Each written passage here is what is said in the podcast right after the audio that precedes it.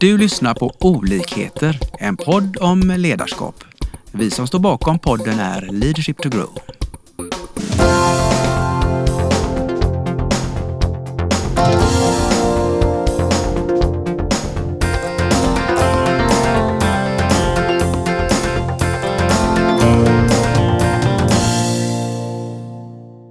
Välkommen till avsnittet eh, som idag handlar om ett samtal om livet.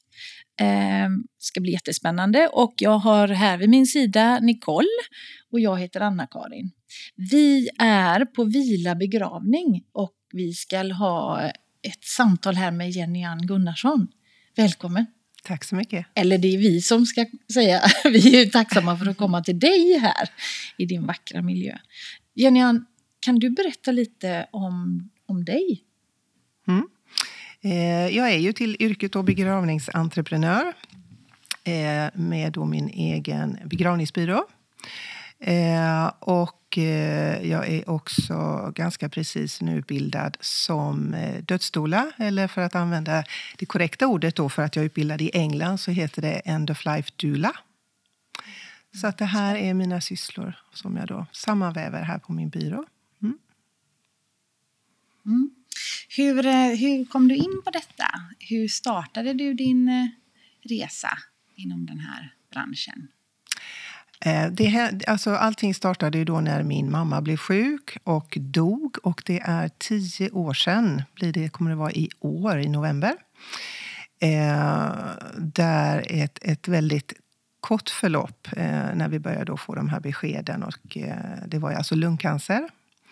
Eh, vi visste ju inte hur lång tid hon hade kvar, eh, men vi visste att det var utmätt. Så att, eh, totalt blev det bara sex veckor. Eh, och eh, jag vårdade henne till största del i sitt hem och i slutet i mitt hem. Eh, där hon också dog. Eh, och det var ju inte helt planerat att hon skulle faktiskt eh, eh, dö hemma hos oss. Ehm, men vi hade god, eller ja, fantastisk hjälp ska jag säga, av eh, palliativa vårdteam både i hennes hemstad Nässjö, Småland och även här i Göteborg.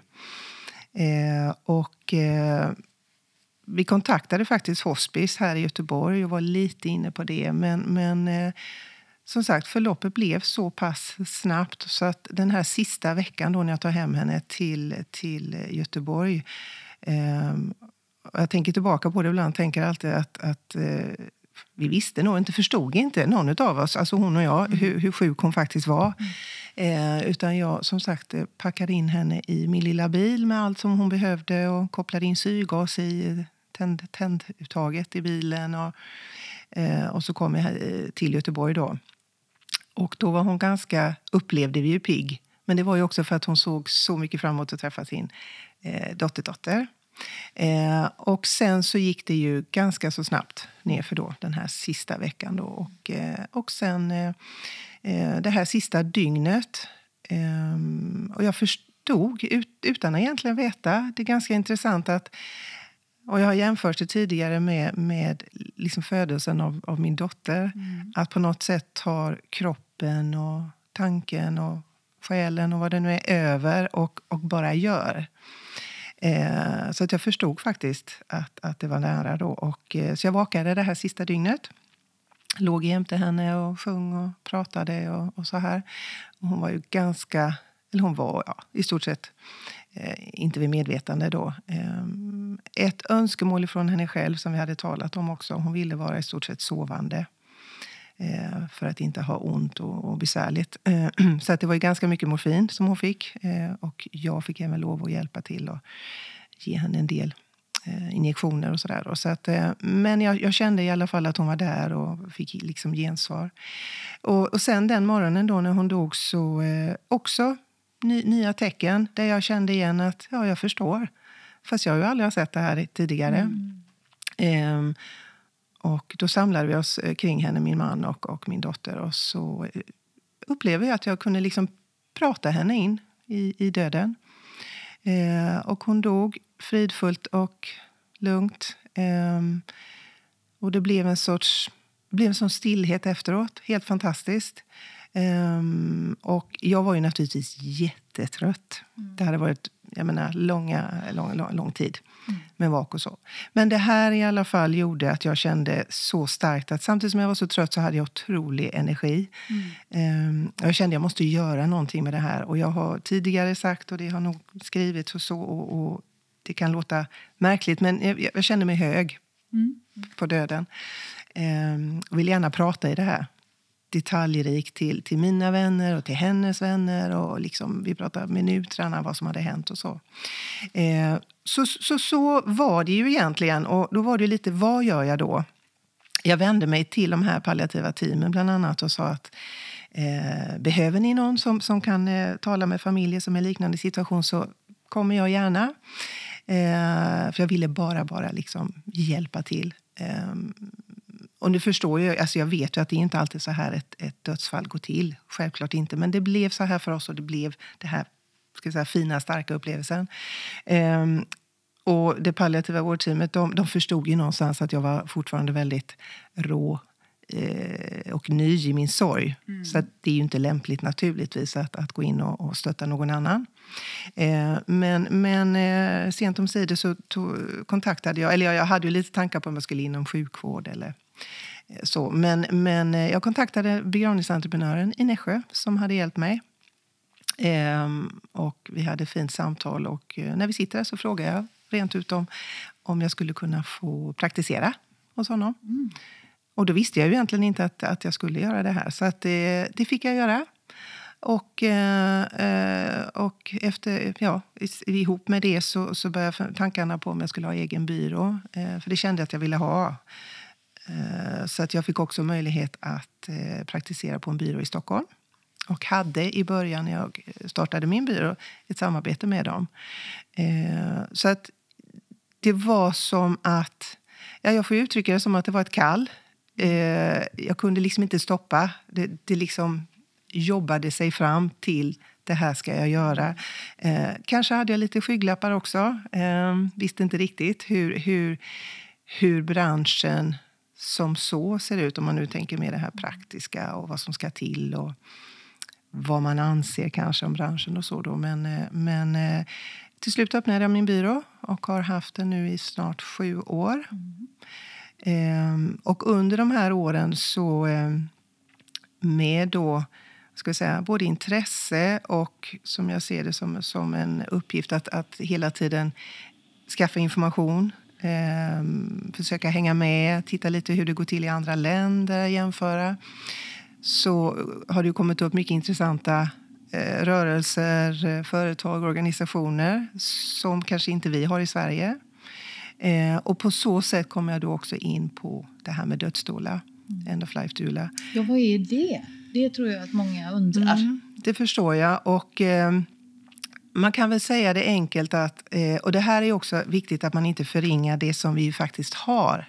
Vi har palliativ vård, vi har hospice, vi har människor som sitter vak. Eh, så att inte att förringa på något sätt den eh, hjälpen som finns. Eh, men det är ju trots allt så att det här är också personer som kanske inte riktigt kan lägga så mycket tid på varje individ. Eh, och som end of life doula eller då dödsdoula eh, så tänker vi att förhoppningsvis så kommer vi in i ett tidigare skede. Eh, och jag kan jämföra med, mm, då med när, när, när, min mamma blev sjuk att vi ju ganska så snart tog tag i att prata om. Jag ville ju inte först förstås, men hon ville. Eh, och att vi då kunde prata om vad som skulle ske efter. Eh, hur ville hon bli vårdad? Eh, och om hon då blev så att säga, in, inte kommunikativ. Eh, och begravningsarrangemang och så vidare. Då.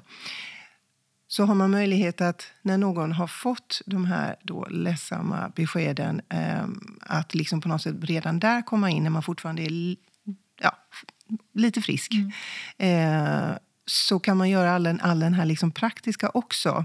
Då kan man hjälpa till med just det här eh, begravningsarrangemang, det kan vara juridiska dokument, eh, fundera över var vill man vårdas, det där sista.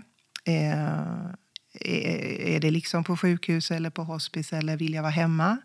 Eh, och framförallt det här med att vårdas i hemmet, det, det vet vi också att det är ju otroligt ska säga, det är en otrolig trygghet och blir kvalitativt om man känner sig trygg naturligtvis med den vård man kan få i sitt hem. Men, men för alla, för den döende och för de som är runt omkring den döende, då, de närstående. Eh, och där kan man då också sen vara på plats, om vi då säger att det är hemmet. Man kan se till att allting fungerar i hemmet med hjälpmedel. Så man blir, man blir den här personen mellan sjukvården, för vi är inte medicinskt utbildade och det är inte det vi ska hålla på med. Eh, och det kan ju naturligtvis också eh, vara farligt att ge sig in på såklart, att vi börjar att ge mediciner och så, eller injektioner. Men, eh, och mellan de närstående. Så man är en sorts följeslagare. Man går jämte, man går bredvid kan man säga. Mm. Håller i handen, håller eh, om armen så att säga. Som ett stöd? Som ett stöd. Och man är en förespråkare för Eh, den döende. Så att det är den döende hela tiden som är i fokus. Ehm, och då kan det vara allting ifrån att man faktiskt vill samtala det där vad ska jag säga, att, att vi är en god lyssnare. Och när jag säger lyssna så menar jag liksom vi lyssnar. Man, man måste lyssna på riktigt. Det, det, det, är lätt att säga att man lyssnar. Eh, men om man tänker sig det här hjärtat med, med stora öron och liten mun. Eh, så kan det räcka också många gånger. Eh, naturligtvis med, med att man, liksom, man uppfattar vad personen säger. Men att få prata i ett fritt, tryggt och säkert eh, utrymme är jätteviktigt. Eh, det kan ju komma upp alla typer av funderingar. Allt ifrån eh, eh religiösa funderingar till eh, andra existentiella funderingar. Knutar som kanske behöver lösas upp. Eh, oförrättelse, eh, oförrättelse mm. förlåtelse, samtal man kanske skulle vilja ha haft eller vill ha. Mm. och då kan ju säkert många när man tänker sig, ja, men varför pratar man inte med sina närstående? Mm. Eh, och det är klart att det kan, man, kan, man kan göra det. Men om man går till sig själv, det är inte alltid så lätt. Man har levt kanske tillsammans i många, många år. Man har kommit in i en roll, man har sin roll i sammanhanget. Eh, man vill inte såra. Eh, det, alltså det, det, det här att, att, eller, att bli dömd eller mm. hur? Att, ja, men, nu har du mm. levt så här så här länge och plötsligt så tycker du så här. Eh, det kan också vara så att mediciner gör att du också påverkas och blir annorlunda. Mm. Man kan bli eh, väldigt deprimerad, eh, kanske aggressiv, ledsen. Och Det är också svårt för närstående att hantera de här bitarna. Så att på så sätt kan man också hjälpa de närstående att ändå vara del i eh, det här omhändertagandet. Mm. man kan hjälpa till med, med jag ska säga, uppfylla önskemål. Att eh, det som andra kanske kan se, speciellt inom sjukvården, kan vara ett problem eller hinder. Man kanske faktiskt vill besöka en konsert fast man är jättesjuk eller göra en kort resa. Eh, och då får man jobba lite hårt på att ja visst, vi skaffar rullstol, vi tar med oss syrgas, vi kan ha dropp, vi kan eh, för det är ju trots allt så här att som döende så kan vi ju inte göra mer. Det är inte så att vi hur ska man uttrycka det, vi ska, vi ska rädda livet nu. Mm. Utan nu gäller det liksom att göra det bästa av den här tiden med smärtlindring, bestämma typ av smärtlindring, hur mycket vill man ha. Eh, det kan ju vara lätt att man öser på väldigt mycket med smärtlindring och jag tänker just med morfin. Eh, och det har ju många nackdelar naturligtvis. Att, att man hittar ett läge där Många vill kanske också vara någorlunda medvetna för att kunna då njuta av det här sista. Mm. Och vara, vara med sina, vara mer närvarande, mm. precis. Um, enklare behandlingar kan vara taktil massage. Eh, vid oro, eh, en sorts meditation som vi kan göra. Eh, och sen är det ju då att när tiden är så pass att man faktiskt blir sängliggande och är ganska så dålig att man är där och, och eh, vakar. Mm. Eh, klappar känner lite på, känner, bara att man får känna, gör det, gör det behagligt mm. i det här utrymmet med den musiken man kanske önskar. Dofter är väldigt viktigt, det vet vi ju. Det är de här sinnena mm. som oftast är kvar fast vi inte verkar vara där. Eh, till att låta också igen de närstående. För man vet ju att det här att man kan bete sig lite märkligt Eh, när man är döende, och framförallt om man har, har medicinering. Att kunna där stötta så att man vågar vara. Nätterna kan ju vara svårt. Det är det här med mörkret. Eh, och eh, då kanske närstående är på dagarna. Då är man runt omkring. Men det kan ju vara de här praktiska sakerna också. Göra ärenden, handla, diska upp lite, laga en lätt måltid. Ehm, och sen då när, när, när, den, den, eh, döende, alltså när, när man har dött att man faktiskt kan ta det lugnt. För vi har en förmåga att, och det ser jag ju också i yrket som, som begravningsentreprenör, att man får väldigt bråttom. Ehm, och det är väl egentligen då man inte behöver ha bråttom. Mm. För då kan vi inte göra något mer för personen. Nej. Ja. Mm. Man kan få möjlighet att tänka på sig själv då som närstående. Eh, och det är de här vanliga basala sakerna. Äta, dricka, sova, gå ut, frisk luft, eh, hänga med varandra i familjen eller i, i vänskapskretsarna. Eh, men att också kunna var, få vara med och ta hand om den avlidne. Att mm. göra det här vad ska jag säga, lite rituella, eh, som att tvätta.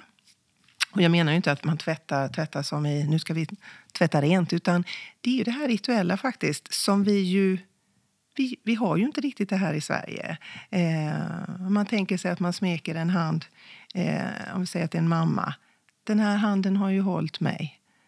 Eh, upp mot bröst, eh, bröstkorget och ansiktet. Alltså det här är ju mm. liksom famnen jag har legat i och det här ansiktet som har tittat på mig med sina ja, mm. blida ögon. Och naturligtvis gäller det för fädrar och, och, och, alla andra också. Men att man hittar det här. Det här är en arbetshand som har jobbat för oss. och så här. Så att det tror jag kan vara väldigt, väldigt läkande. Mm. Och klä och vara då del i att sen eh, när eh, den avlidne blir hämtad eh, att få lyfta över, om det då är direkt i kistan eller om det är till, till bår. Ehm, och sen kanske man då är, är, är kvar i det här med begravningsarrangemangen och hjälper till och kan även efteråt såklart finnas där för, för de närstående. Mm. Om de behöver tala om det här som har varit. Precis som jag ju kände med min mamma då. Nästan lite, hur ska jag säga, som jag brukar säga, man får, man får liksom mala, älta. Ja.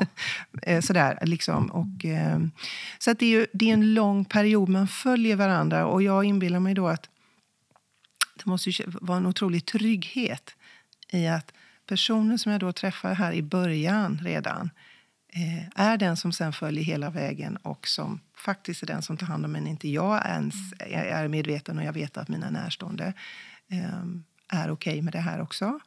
Ehm, sen, sen får man ju naturligtvis titta på det här att det är klart att det är svårt att vara en person 24-7. Eh, så på så sätt behöver man kanske vara några fler i ett nätverk då utav eh, mm. dolor. Eller, eller att man faktiskt blandar in de närstående. Det går ju också jättebra. Så att där är processen kan man väl säga. Eller? Mm. Alltså det, är ju, det är ju så intressant och berörande att lyssna på dig. Um, jag funderar lite på det här. Vi är ju, eh, som du nämner, då, lite i Sverige, vi pratar inte så mycket om döden.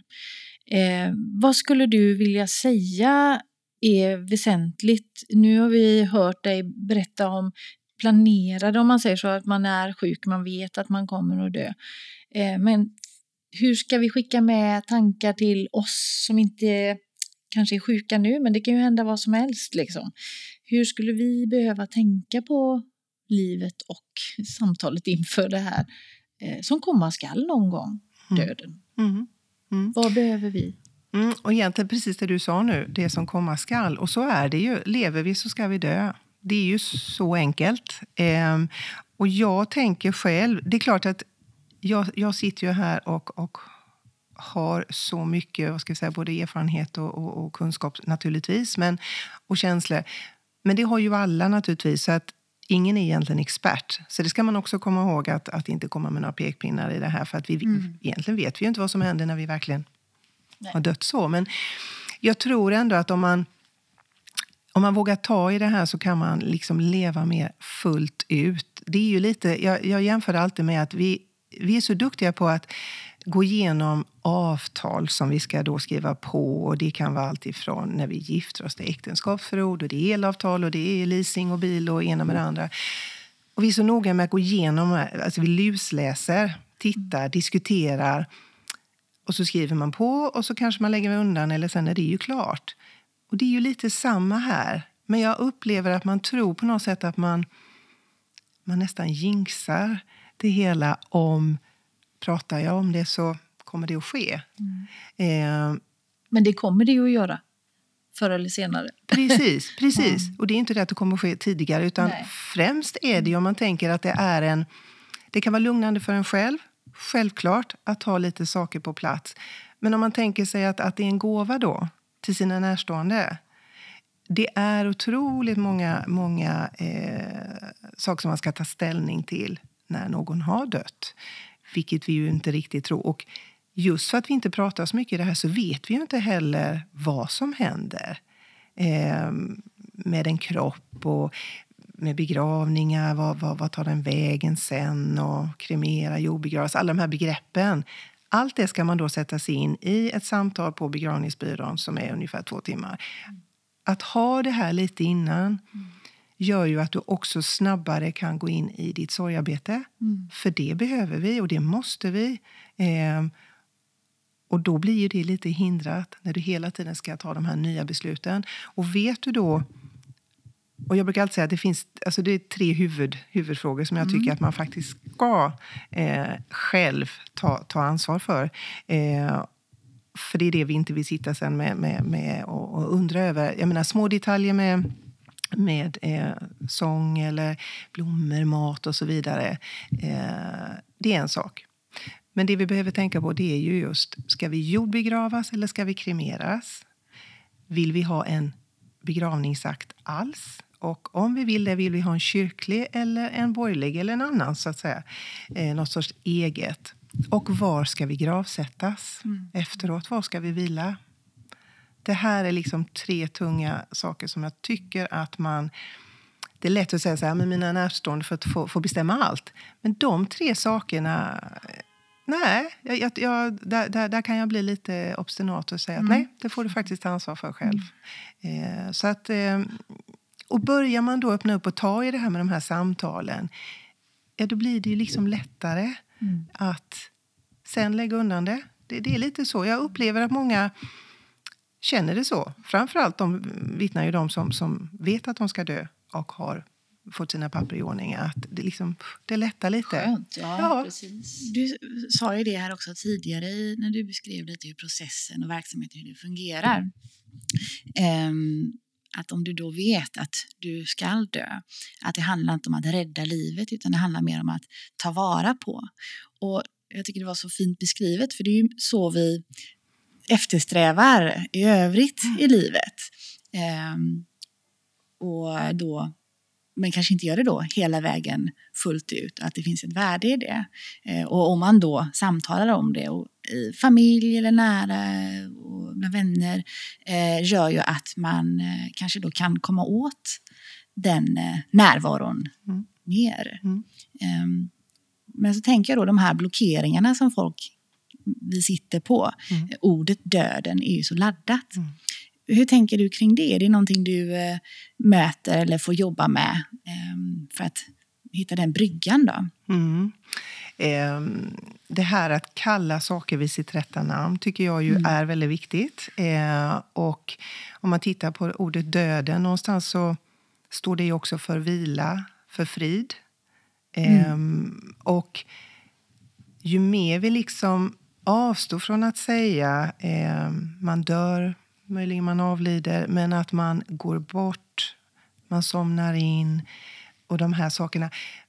Det här är ju någonting som man börjar med redan, alltså barn får höra när de är små och kan ju då naturligtvis reagera och bli jätterädda när man säger just det här. Eh, mormor har gått bort. Jaha, och när kommer hon tillbaka? Ja. Eller mormor har somnat. Mm. Och, och, nu ska vi gå och lägga oss. Alltså, så man liksom börjar tänka på vad är det vi säger? Att de här orden blir så laddade. Använd dem lite mer. Så mm. Kasta ur dig ibland. Mm. Använd det då. Dör, döden. Mm. Eller hur? Så, ja. så, så får jag för mig att det är...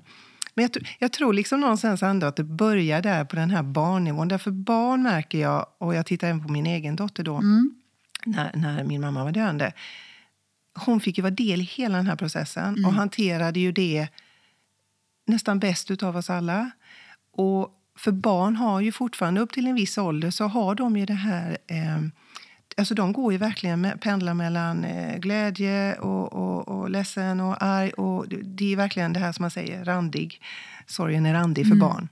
Eh, och då tror jag att om vi försöker att titta på hur barnen gör egentligen och inte sen börja hyscha och, och stoppa och, och säga nej, så, så kan man inte säga. Utan, och det är inte alltid man kan förklara såklart, men man kanske kan vara öppen med det.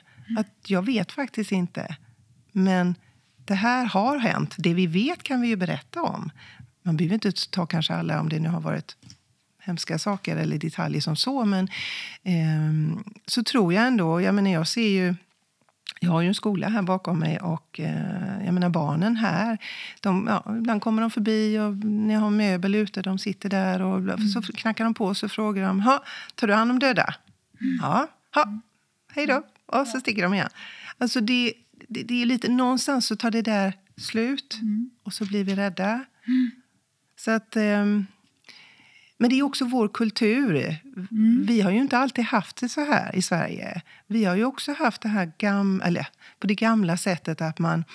Eh, och det är klart, så var det ju de små samhällena. Man levde på samma ställe. Man föddes hemma, man blev vårdad hemma. Eh, man såg till att ha sina hyvlade brädor uppe på torkvinden som sen skulle slås ihop till kista. Och sen så fick man då ha, hade man likvaka. Och så fick alla komma. Och så var det ju liksom en, en, en en högtid. Och det ska vi också komma ihåg att det är. Ehm, och då fick man ju se den avlidne, inga konstigheter, och följa hela vägen. Ehm, och det är klart att nu har vi fått den här så kallade mellanhanden. Det är någon annan. Och det är lite... Jag upplever lite att man inte vet. Eh, om jag frågar oftast då när man kommer hit till mig och jag frågar och vet du nu då var ja, din avlidne person är när man då har lämnat? För det är lite det här att man, man tycker man kan orka med att vara där när en person dör. Eh, och man smeker på dem och man pussar på dem och sådär. Men så fort liksom man har dött och, och det här sista andetaget så är det lite, nu får någon annan ta. Så vet man inte riktigt var personen är då inför, låt säga att man ska ha en begravningsakt. Och så frågar jag, och det är ju inte att jag vet ju var de är och jag tar reda på om det skulle nu vara något konstigt. Eh, vi har ju två bårhus här till exempel i Göteborg då, så att det är det ena eller det andra oftast. Men då kan det oftast vara att nej, jag vet inte riktigt. Eller ja, någon skulle hämta. Eller, alltså, Så jag tror att... Så för mig är det viktigt att vara väldigt transparent med. Eh, man får gå mjukt fram självklart. Men det är alltid bättre att veta än att inte veta. Eh, och kan man då också få vara del i det där sista att kanske se den avlidne även efter, även om du varit med vid dödsögonblicket så är det ganska stor skillnad när det har gått några dagar. Då kan det få vara fint att se när vi då har kistlagt, det vill säga vi har lagt över från båren till kistan. Eh, för då har vi ett helt annat uttryck såklart. Och då, det blir ju som en signal, en fysisk signal om du tar på personen till exempel. Kallt, hårt, men det gör också att du förstår Mm. att personen finns inte med. Och det gör ju ont där och då, men det är lite som att dra av ett plåster. Ska vi göra det för sakta eller ska vi dra till hårt? Så att, men det, det, det, det är i alla fall min uppfattning att jag, att jag tror att eh, om vi pratar lite mer. Vi har en liten förmåga, känner jag, att vi har nog kommit ganska långt i Sverige på så sätt att vi kan prata lite hur vi vill ha vår begravning. Det är nästan så att ibland kan kännas som en sorts trend. Det här, oh, jag ska ha en rosa kista. För det finns det ju såklart. Eller jag ska inte ha kyrkan, jag ska ha på kvällen och jag ska ha mingel och jag ska ha eh, cocktails. Men det är den biten. Och så finns det kanske biten att man vågar prata om sorg och förluster till viss del. Även om vi har väldigt svårt att bemöta människor i sorg. Men det finns ju den där mellanbiten. På riktigt, en människa är sjuk, eh, har dött. Det är inte alltid... Det är inte som på film där det antingen är jättevackert och rosendoftande och skimmer eller att det är jättehemskt och det är ja, pang och, och, och, och mord och sånt där. Utan det är ju det här också mellanläget. En kropp som är sjuk, det kan, kan se hemskt ut eller vara annorlunda läskigt. Eh, kan vara dofter, kan vara alltså det här.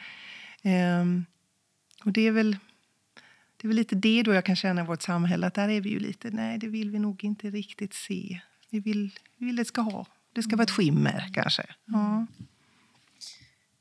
Eh, det du säger känns också som att vi måste ta mer ansvar för det liv vi har och det liv vi lever.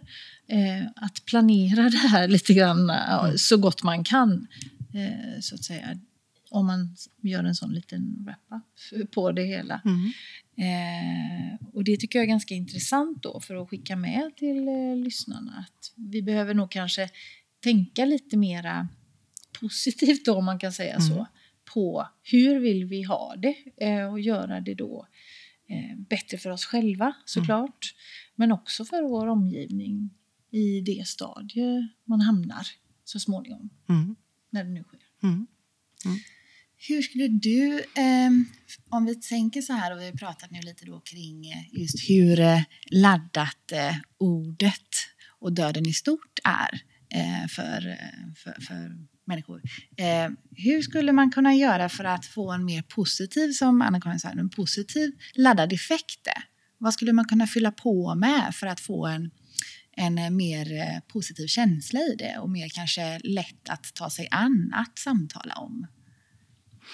Jag gör ju så hos mig i alla fall, jag är säker, eh, säker på att, att fler gör så framför kanske inom, inom eh, man tänker begravningsbyrå och sånt här. Men det är ju de här dokumenten då naturligtvis som mm. finns, eh, som, som jag ju också har, min vila. Och, eh, och jag inbjuder, så jag har väldigt ofta, mm, vad ska jag säga, samtalskvällar eller tillfällen. Eh, och jag, dels använder jag mig av ett eh, engelskt koncept, en mm. rörelse som heter Death Café. Mm. Eh, och bara ordet är lite laddat ja, och man kan tycka absolut. oj. Och, så, och det är ändå lite intressant och man mm. tycker ja. Eh, och, och, det handlar ju om att, att vem som helst kan delta i det här. Eh, och som det antyder då, café och det här engelska då att man man, man äter ju egentligen tillsammans, eller någonting i alla fall äter och dricker.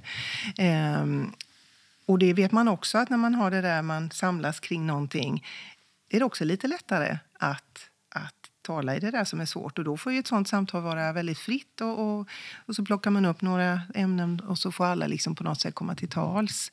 Ehm, till att jag eh, aktivt ibland då har, har liksom går in på vissa ämnen som jag vet och så. Men jag ser ju, det är svårt. Det, det, det eh, jag tycker nog att man skulle ta, ta återigen då vad vi ser lite i andra kulturer, ta till oss det. Eller gå tillbaka till vårt gamla. Ehm, och jag menar, jag vet om det, det, finns ju länder man har eh, dödsfestivaler och man har... Och, och, det är inte det här att göra något skoj av det här. Mm. Men det är ju ändå som jag säger, vi, vi vet att det ska ske. Mm. Så det är lika bra att man, liksom, man matar på lite hela tiden. Så det är väl så jag tänker. Det, det är vad jag gör i alla fall eh, nästan dagligen. Att jag liksom på något sätt eh, ihärdigt försöker liksom att, mm. att sprida eh, det här. För det är inte mörkt. Mm. Det ska vara ljust. Det är ju ljust när vi får prata i det. För då, mm. då, det är ju det här som jag säger, att inte veta. Mm. Om du får ställa frågan och kan få lite svar och framförallt få dela med andra. Jag menar, vi alla går omkring med funderingar. Vi, man sitter inte, det här sitter ensam på sin kammare och funderar. Det det finns mycket att ta ifrån mm. och att mötas människor i det här. Så det, ja. Jätteintressant, mm. tycker jag. Mm. Verkligen. Och jag tror vi sitter här och bara lyssnar och njuter av att höra din, din eh, berättelse här. Så tack så jättemycket Jenny Ann för att vi fick komma hit. Tack snälla för att jag fick vara med. Vi hoppas att vi har väckt tankar om hur du kan utveckla och stärka ditt personliga ledarskap. Följ oss gärna på våra sociala medier där vi heter Leadership to Grow. Om du vill ha mer inspiration och verktyg, gå in på vår hemsida leadershiptogrow.com.